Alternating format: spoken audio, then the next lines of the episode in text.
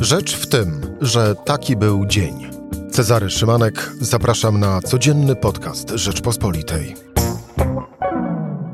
Wtorek, 16 lutego. Wczoraj TVN24 pokazało reportaż, w którym przedstawiono, że ksiądz Andrzej Dymer wykorzystywał seksualnie osoby nieletnie, a szczecińscy biskupi wiedzieli o tym od 1995 roku. Dziś Rano pojawia się informacja o śmierci księdza Dymera. Jutro, tego nie wiemy co jutro, ale jutro w tej sprawie być powinno i być musi. A moimi gośćmi są Michał Stankiewicz i Tomasz Krzyżak, dziennikarze Rzeczpospolitej. E, Michał Stankiewicz, dzień dobry. Dzień dobry. I Tomasz Krzyżak, witam Tomku. Witam serdecznie. E, to chciałbym wpierw e, od Was taki krótki komentarz. E, może emocjonalny, pierwsza myśl, która wczoraj wam przyszła do głowy, jak zobaczyliście materiał o księdzu Dymerze e, w TVN24? Michał Stankiewicz. Może zacznę, dobrze. E, pierwsza myśl. E, ja nie ukrywam, że ten materiał, ten temat jest mi znany już od kilkunastu lat, więc, więc jakby ten temat, temat nie był dla mnie zaskoczeniem. Sam, sam temat księdza Andrzeja Dymera i zarzutów o molestowanie seksualne. Natomiast było dla mnie zaskoczeniem, że mimo tego, że znam ten temat od kilkunastu lat i wielokrotnie o tym pisałem, to jednak ta siła obrazu, e, siła filmu i siła, te, siła tego montażu jednak pokazała mi ten problem jakby w nowy sposób, tak? E, ten materiał był bardzo emocjonalny i, i pokazywał bardzo mocno krzywdę, e, krzywdę tych ludzi. Ja przypomnę, że krzywdę nierozwiązaną od 26 lat, bo tyle to już trwa. Tomasz no więc szok, no, oczywiście szok, szok, szok. No, tyle, tak można to e, skomentować. Tomek Krzyżak? No ja się podpiszę, ja się podpiszę pod tym, co powiedział Michał, natomiast y, dla mnie bardzo taką porażającą kwestią jest y, to, że od 25 lat, od ćwierć wieku Kościół po prostu zwyczajnie tej sprawy nie chciał załatwić z różnych przyczyn, jak mm, sądzę. Natomiast no, no, to, co powiedział nawet wczoraj prymas, wydając to oświadczenie, że przewlekłość postępowania w tej sprawie jest mm, porażająca. Przewlekłość tego postępowania trwającego lat 25 jest y, porażająca, bardzo porażające naprawdę jest to, że wyrok pierwszej instancji zapadł w roku 2008. Ksiądz Dymer się od tego wyroku odwołał.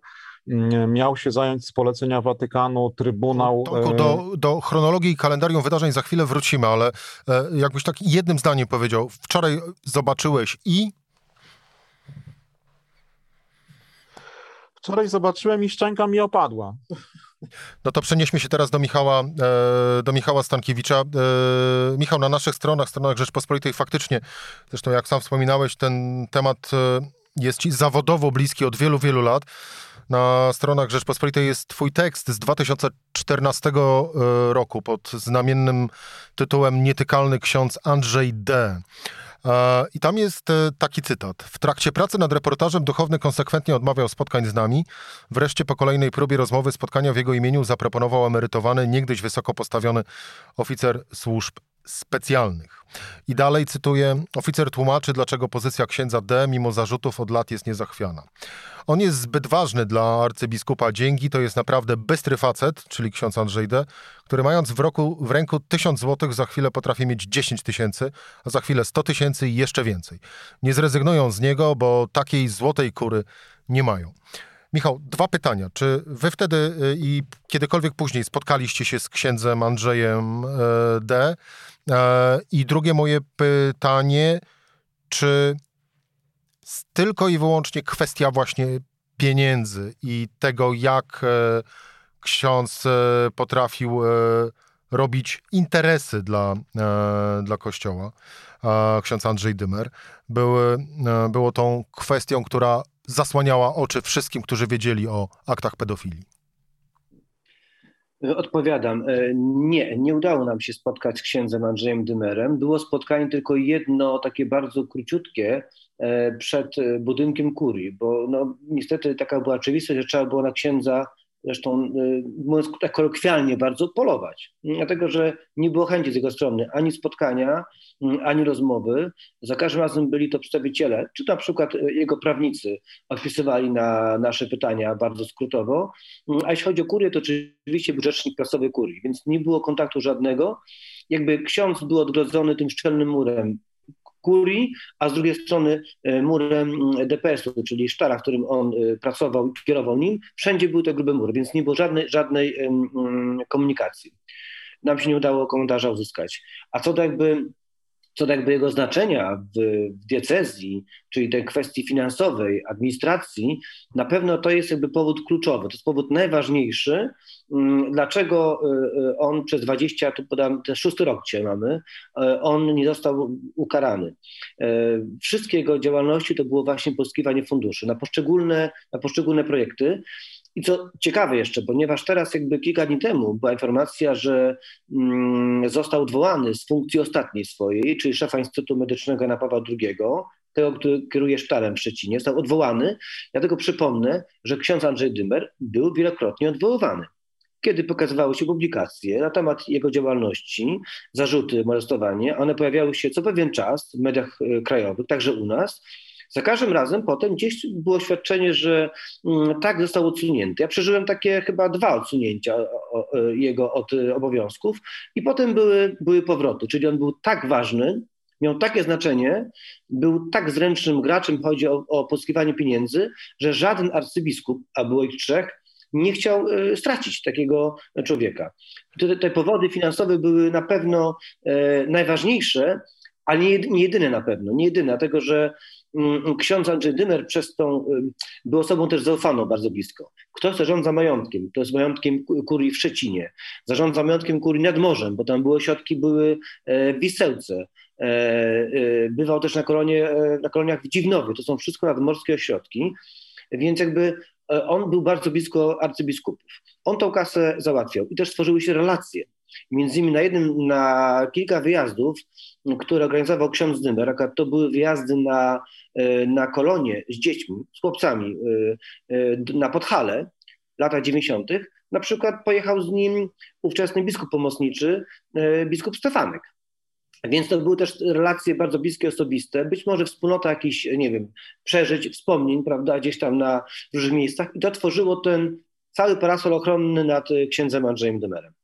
Tomek e, Krzyżak, wracając właśnie do czynów księdza e, Dymera, ja wrócę do jednego e, z cytatów z uzasadnienia prokuratury owego pierwszego śledztwa, którą to sprawa została właśnie umorzona po kilku miesiącach. Wtedy w, wśród złożonych w postępowaniu zeznań była sprawa chłopca, którego ksiądz Dymer zmusił do seksu oralnego, a prokuratura nie uznała tego za gwałt. I tutaj cytat, ponieważ ksiądz Dymer nie stosował przemocy, gruźb czy podstępu, ani nie zastosował środków, które wyeliminowałyby jego, czyli owego chłopca, opór, bądź też wyłączyły świadome podejmowanie decyzji. Śledczy sprawę umorzyli po kilku mi mi miesiącach. Sąd kościelny uznał Dymera za winnego i odsunął od pracy z dziećmi.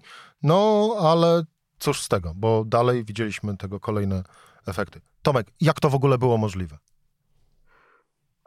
No cóż, to jest trudne do pojęcia. Ja może zanim odpowiem na Twoje pytanie, odwołam się do tego, co przed chwilą mówił Michał, mianowicie o tej smykałce do interesów, którą potrafił ksiądz Dymer. Ja sobie myślę, że mm, jeżeli pieniądze tutaj stały na pierwszym miejscu, a wszystko wskazuje na to, że tak właśnie było, że gdzieś był tam zewnętrzny wizerunek kościoła na drugim, no bo tego księdza odwoływano, po czym po jakimś czasie go przywoływano z powrotem Natomiast krzywda i ból ofiar były gdzieś na miejscu, nie wiem, czwartym, piątym, albo nie dostrzegano jej w ogóle, to my tak na dobrą sprawę mamy do czynienia z całkowitym upadkiem moralnym. My w ogóle nie możemy tutaj mówić o Kościele Jezusa Chrystusa. To jest jakiś w ogóle dziwny twór szczecińsko-kamieński, który naprawdę trudno mi w ogóle pojąć. Natomiast dlaczego człowiek, na którym ciążą tego typu zarzuty, nawet jeśli nie został uznany za winnego, prawda, bo ten wyrok pierwszej instancji w przedstawicielnym sądzie, w momencie, kiedy on się odwołał do sądu drugiej instancji, no to jest traktowany jako taki, prawda, no w dalszym ciągu jesteś niewinien. Natomiast zdrowy rozsądek nakazywałby biskupowi mm, schowanie tego człowieka chociażby w klasztorze kontemplacyjnym do czasu wyjaśnienia zarzutów i zdrowy rozsądek podpowiadałby biskupowi, że skoro mam takiego człowieka i zależy mi na tym człowieku, to będę dążył do tego, ażeby jak najszybciej wyjaśnić wszystkie sprawy, które e, wokół niego się pojawiają, ale także pojawią się wokół mnie, no bo za chwilę mi zarzucą to, że ja coś ukrywałem. W związku z tym, na przykład y, odnosząc się już do dzisiejszej sytuacji mm, e, arcybiskupa mm, Dzięgi, który stoi na czele diecezji szczecińsko-kamieńskiej, no prawdę mówiąc, ja dzisiaj złożyłbym, będąc na miejscu księdza arcybiskupa, dzisiaj napisałbym rezygnację z tego urzędu i przedłożyłbym nuncjuszowi apostolskiemu, żeby ją zawiózł do Watykanu i, i poczekałbym na werdykt Ojca Świętego. Natomiast wracając do Twojego pytania, do tego roku 2008, do tego dochodzenia prokuratury, no niestety, E, e, mówię niestety, ale takie było po prostu myślenie. To znaczy, interpretowano różnego rodzaju przepisy w różny dziwny sposób, bo jak nie było przemocy, to nie było gwałtu. No, Matko Święta, no jak małe dziecko, które niewiele rozumie, E, może stawiać jakiś, jakiś opór, jakąś przemoc. No oczywiście może, no ale nie musi. Dzisiaj mm, wykładnie są proste i jasne. Wykorzystywanie seksualne to jest mm, każdy kontakt fizyczny, seksualny z dzieckiem, po prostu. Myślę, że dzisiaj ta sprawa by, by, by nie przeszła. Dziwię się, że e, w tamtym czasie nikt jakby nie złożył odwołania e, od decyzji tej prokuratury. Przypomnę tylko, że w sprawie Tylawy w roku 2001, w momencie, kiedy prokuratura kierowana e, wówczas E, w której pracował wówczas y, obecny sędzia Trybunału Konstytucyjnego, pan Stanisław Piotrowicz, umorzyła postępowanie w stosunku do księdza Stylawy.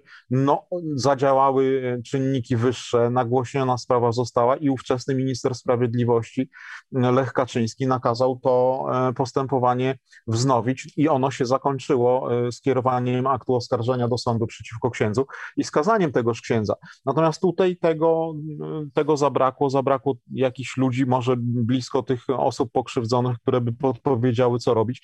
Nie wiem, trudno mi w tym momencie e, trudno mi w tym momencie e, jakby oceniać działalność wymiaru sprawiedliwości cywilnego, natomiast no, no wymiar y, sprawiedliwości kościelny no też poległ na całej linii. No. Wracamy do... Tak, Michał. Chciałbym uzupełnić tu jeszcze Tomka słowa, bardzo odnośnie proszę. tego e, sprawy prokuraturze, bo jak ja e, o tym umorzeniu w 2008 roku szczegółowo to też sprawdzałem e, wiele lat temu w prokuraturze, co się teraz wydarzyło i wtedy pamiętam wobec dwóch, dwóch, dwóch ofiar księdza Dymera sprawę umorzono, bo było przedawnienie. Tam nie było nawet badania nawet formalnie tej sprawy, nawet merytorycznie, tylko prokuratura od razu uznała, że tam było, jest przedawnienie, więc nawet nie podjęła oceny merytorycznej tej sprawy. W przypadku innego chłopca, tam pamiętajmy, że to było często słowo kontra słowo. To nie było dowodów jakichś namacalnych, czy twardych, czy tak. zdjęć, czy śladów. I wtedy pamiętam, że o umorzeniu decydowała taka kwestia, że on uznał, uznany był za niewiarygodnego, ponieważ pomylił nazwę w hotelu, w którym miał nocować z księdzem Dymerem. I ta, ta nazwa była zupełnie inna i uznano, że jego słowa są wtedy e, niewiarygodne. I, i to jest bardzo ważne. Czemu tak, e, tak uznawano? Dlatego, że e, trzeba pamiętać o tym, że to byli chłopcy, którzy mieli E, już wtedy oczywiście byli starsi, kiedy trwało to e, postępowanie, natomiast wcześniej, kiedy e, byli bardzo młodzi i to byli ludzie często z rodzin, powiedzmy, patologicznych, na przykład jakichś rodzin, szukali schronienia, szukali pomocy w tym schronisku księdza, u księdza Andrzeja. Oni mieli problemy z prawem, oni mieli problemy z narkotykami. To były tego typu historie cały czas. I wtedy ksiądz już po latach, kiedy były te sprawy o zarzuty molestowanie, to ksiądz przychodził do prokuratury czy nie, pisał pisma, a także do Kurdi w swojej obronie liczne, e, liczne, to on używał tego właśnie argumentu, że to są narkomani, złodzieje, e, krętacze tak dalej. A po drugiej stronie e, stał autorytet. I tutaj mamy bardzo ważną rolę Kościoła, ale uwaga, władz świeckich i, i polityków. I wtedy ten autorytet on wykorzystywał. I wtedy i w związku z tym prokurator, mając słowo kontra słowo, No, siłą rzeczy wierzył człowiekowi, który codziennie spotyka się z naukowcami, lekarzami, politykami, ważnymi osobami, którzy go finansują, a nie jednemu chłopakowi, który jest e, narkomanem i złodziejem. Tym większy jest to, Dokładnie, dokładnie. Nie? większy jest to skandal, bo, bo, bo tak naprawdę cóż z tego, że ktoś miał taką, a nie inną przeszłość, bo każdemu można wyrządzić w życiu y, krzywdę. Tomek, jednym zdaniem i przenosimy się zaraz do Michała. Yy, no ja chciałem właśnie po, potwierdzić to, co mm, Michał mówi, dlatego że schemat działania właśnie sprawcy jest taki, że oni sobie wybierają takie osoby, które są w pewnym momencie bezbronne i takie, które mm, potrzebują pomocy. Tutaj to doskonale widać. No i potem rzeczywiście ta linia obrony była taka, że w momencie, kiedy prokurator ma przed sobą człowieka, który ma jakąś przeszłość, powiedzmy kryminalną mm, i ma człowieka, który jest księdzem od iluś tam lat, no to sorry, no ale on zaufa jednak temu księdzu. Dlatego jeszcze raz powtórzę, y, niecne, perfidne, y, skandaliczne y, zachowanie. Wracając do Michała. Michał, właśnie, bo uprzedziłeś trochę moje pytanie, bo przecież ksiądz Dymer nie byłby tym, kim był i nie miałby takiej ani innej pozycji, gdyby również nie władze świeckie, gdyby nie polityka, która również go otaczała. Dokładnie tak. Ja się nad tym zastanawiałem wielokrotnie. Zastanawiałem się nad, e, nad tą rolą i, i postawą polityków i mówię władz świeckich. I naprawdę do końca tego, e, tego nie rozumiem. I nie wiem, czy to tłumaczyć e, brakiem odwagi cywilnej tych osób, czy mm, brakiem noszenia jakiejś równowagi, czy współpracy z, z Kościołem, ale faktycznie przez te wszystkie lata wszystkie jego projekty finansowane były przez, przez władze świeckie. No, na to szły pieniądze zarówno z z ministerstw, z instytucji centralnych, E, spółek Skarbu Państwa, jak i pieniądze samorządowe. Tutaj mam na myśli i miasto Szczecin pomagało w jego projektach oczywiście i także władze województwa. Więc ze wszystkich stron. Co więcej, ja też to podkreślam, bo żeby tutaj też e, ta sprawa nie ma wymiaru politycznego, ponieważ w tym temacie panował swoisty ekumenizm. Wszystkie możliwe ugrupowania, które kierowały daną, daną władzą, pomagały e, księdzu. I dzięki temu jego skuteczność była gigantyczna, bo zbudował te ośrodki, zbudował ten, mm, ten szpital w centrum Szczecina, e, czy ten DPS, zbudował inne ośrodki nad morzem, dzięki tym właśnie pieniądzom, pieniądzom od, władz, od władz świeckich. Natomiast to jest jedna rzecz, ale dwa, tutaj wydaje mi się, że bardziej naganne jest, o ile można jeszcze jakoś tłumaczyć sobie, że powiedzmy, że te pieniądze szły na projekt, prawda, a nie na mm, księdza Dymera, to o wiele bardziej naganne jest, swobodne pojawianie się osób publicznych w jego otoczeniu na licznych otwarciach. Ja pamiętam tylko, jak były zdjęcia z otwarcia tego DPS-u w centrum Szczecina, gdzie on był, no tam pojawiło się kwiat kwiat polityków ze Szczecina, mm, e, który pozował do zdjęć księdzem Andrzejem Dymerem. A to był rok, nie pamiętam dokładnie, czy to był 2000, 2010, 11, 12, czyli nieistotne. To już było po ujawnieniu wszystkich zarzutów wobec księdza Dymera, czyli wszystko już było wtedy, mm, wtedy y, znane.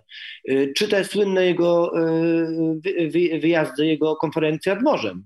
My, kiedy pisaliśmy materiał, w 2014 roku ukazał się na łamach Rzeczpospolitej i wspólnie to materiał robiony był z TVN-em, magazynem Superwizjer, to my byliśmy nad morzem i udało nam się wejść z kamerą na jedną z konferencji. Właśnie tę, którą co roku robił w Dziwnowie w hotelu ze Spa.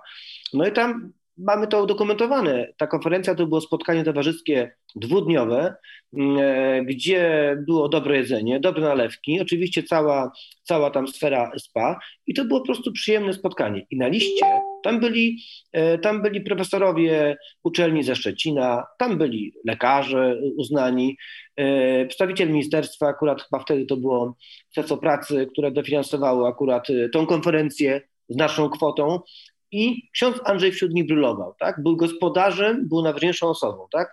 I potem on dzięki takim właśnie koneksjom, takim znajomościom i takim właśnie wizerunkowi to wręcz wykorzystywał, czyli na pewno władza świecka, na pewno politycy w jakiś sposób budowali jego wizerunek i go chronili też. Nawet nie wiem, do końca świadomie, ale budowali to.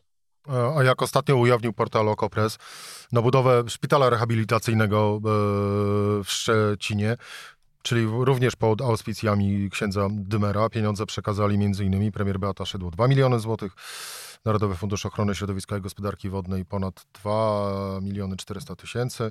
No a no właśnie, na otwarciu szpitala byli Beata Kępa, Paweł Szefernaker czy Joachim Brudziński. Panowie, y, to z kolei z dzisiejszego popołudnia cytat, cytat z komunikatu Państwowej Komisji do Spraw Wyjaśnienia Przypadków Pedofilii. I cytat brzmi tak. W związku z informacjami medialnymi dotyczącymi śmierci duchownego Komisja informuje, że zgodnie z ustawą o Państwowej Komisji w przypadku śmierci osoby wskazanej jako sprawca w aktach sprawy przekazanych przez prokuratora albo sąd, Komisja kończy postępowanie wyjaśniające. Jakie będzie jutro tej sprawy? Postawię pytanie z początku. E, no tak, jeśli chodzi o, o, Państwową Komisję, szkoda, że Państwowa Komisja kończy postępowanie w tej sprawie. No trudno, taka jej rola. Natomiast wydaje mi się, że jeśli idzie o stronę kościelną, bo tak jak wspomnieliśmy, w 2008 roku zapadł wyrok w pierwszej instancji, od którego to ksiądz się odwołał i ten proces po wielu, wielu perypetiach ruszył tak na dobrą sprawę dopiero w 2018 roku w Trybunale Diecezji Gdańskiej i do dzisiaj nie zapadło tam żadne rozstrzygnięcie. No dzisiaj ten proces trudno, żeby się toczył, skoro mm, oskarżony nie żyje. Natomiast y, dokumenty Kościoła, w tym między innymi wytyczne Konferencji Episkopatu Polski, y, mówią wyraźnie, że w stosunku do osoby zmarłej, E, której zostały postawione bardzo poważne zarzuty, powinno się przeprowadzić postępowanie e, historyczne, tak zwany proces historyczny, to znaczy zbadać wszystko, co w tej sprawie było wtedy wiadomo, spotkać się z osobami poszkodowanymi i na tej podstawie mm, e, spróbować wyjaśnić tą sprawę. Taki proces historyczny, ja przypomnę tylko, aczkolwiek to pewnego rodzaju kuriozum jest, mm, toczy się archidiecezji gdańskiej w odniesieniu do e, zmarłego już przed laty księdza prałata Henryka Jankowskiego. E, on został uruchomiony po licznych e, publikacjach prasowych.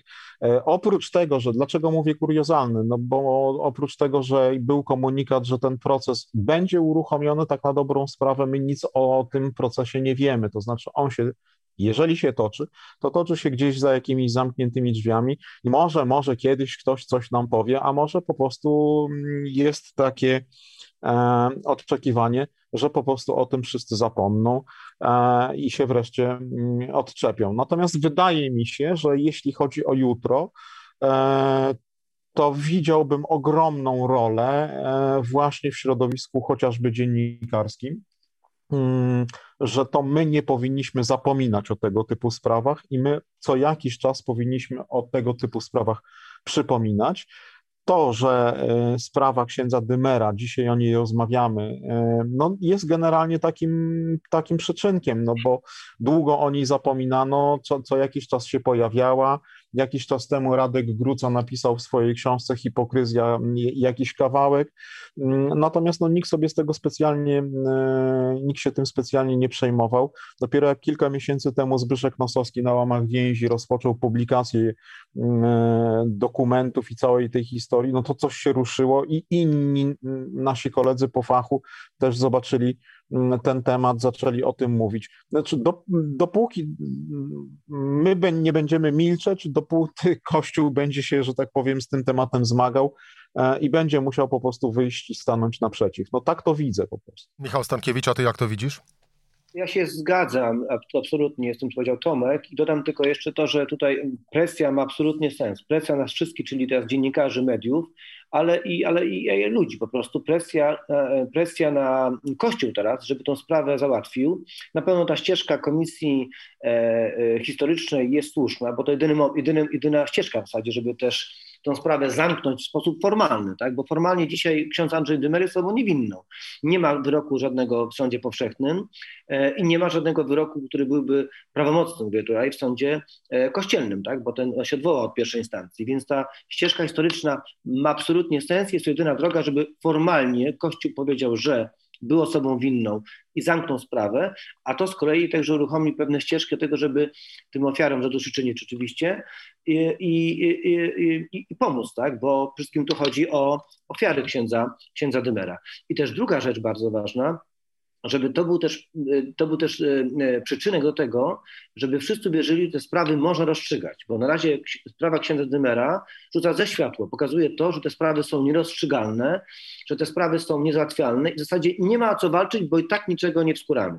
Więc jakby jak sprawa zakończy się pozytywnie, albo zależy to od nas wszystkich, od dziennikarzy przede wszystkim, to będzie też to szansa dla innych tego typu spraw, dla innych ofiar, że będą miały większą odwagę do tego, żeby się, żeby swoje krzywdy nagłaśniać i zgłaszać.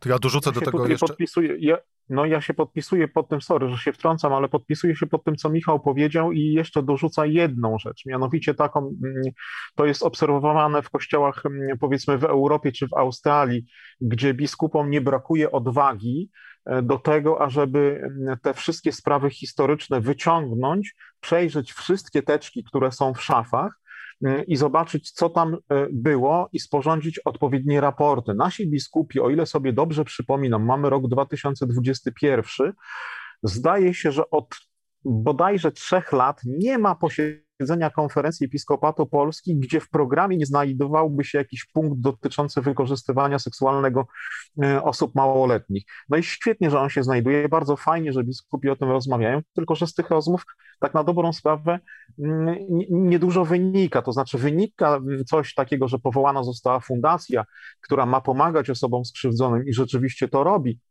Natomiast y, te sprawy historyczne, które są obciążeniem dla Kościoła, one są po prostu zwyczajnie niewyjaśniane, bo ja, muszę za, y, zaznaczyć jedną rzecz. Z jakimi sprawami Kościół ma właśnie problem? Ma problem z tymi starymi sprawami, ponieważ te, które zaistniały po roku 2017, czyli mm, w tym momencie, kiedy wszedł w życie, mm, weszła w życie nowelizacja kodeksu karnego, która sprawiła, że każdy, kto ma wiedzę o wykorzystywaniu seksualnym, musi donieść do organów śledczych, biskupi się wystraszyli po prostu i te sprawy traktują priorytetowo i rzeczywiście te świeże sprawy są zgłaszane.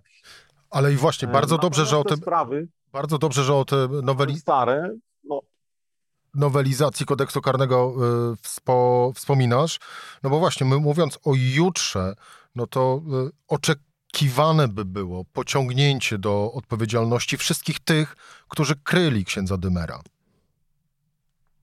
No taki, e, coś takiego mm, w tej chwili umożliwia mm, papieski dokument E, taki, my go w skrócie nazywamy WELM, to jest list apostolski papieża, który pozwala na wyciągnięcie konsekwencji wobec biskupów i tak zwanych wyższych przełożonych zakonnych, którym udowodni się to, że w przeszłości, mm, czy też i teraz, mm, na ten moment, mm, zaniedbywali sprawy, wykazali się co najmniej brakiem sumienności, bardzo ładne stwierdzenie.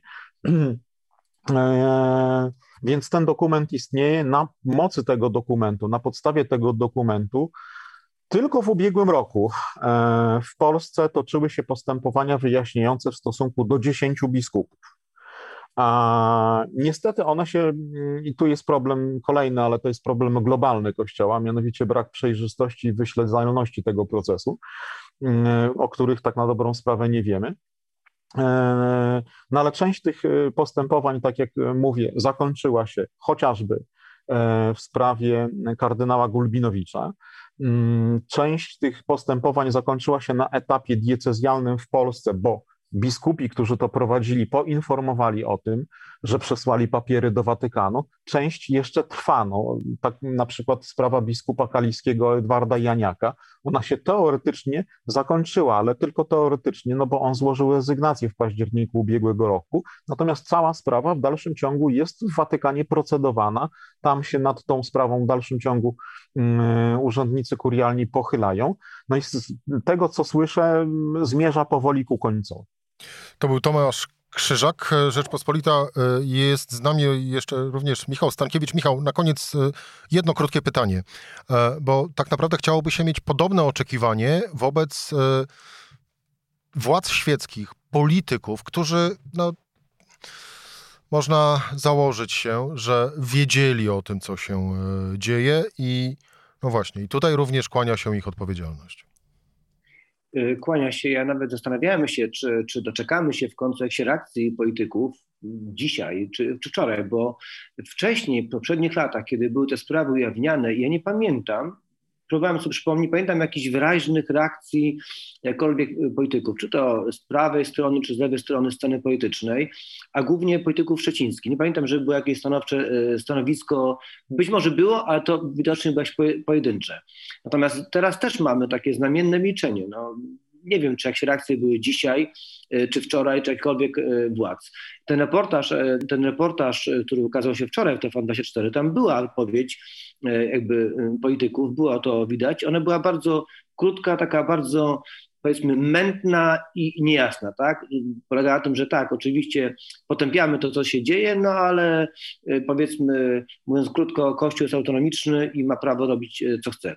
Ja uważam, że to jest błąd duży, dlatego że my mamy prawo wyboru i możemy powiedzieć naszemu partnerowi, każdemu, z którym prowadzi mnie interesy na przykład, bo to chodzi o interesy, prawda? Powiedzieć wprost, przepraszam cię bardzo, ale e, twój delegat, przedstawiciel twój ma poważne problemy, zarzuty, ma e, e, poważne, poważne sprawy.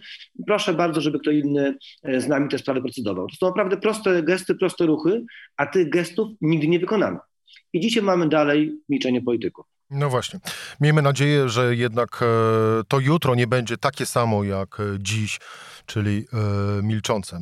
Raz jeszcze Wam dziękuję. Michał Stankiewicz, dziękuję Ci bardzo. Dziękuję bardzo. I Tomasz Krzyżak, e, dziękuję.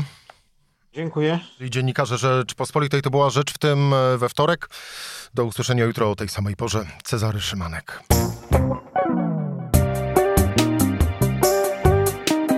Rzecz w tym to codzienny program Rzeczpospolitej. Od poniedziałku do czwartku o godzinie 17. Słuchaj na stronie podcasty.rp.pl. Włącz Rzecz w tym w serwisie streamingowym.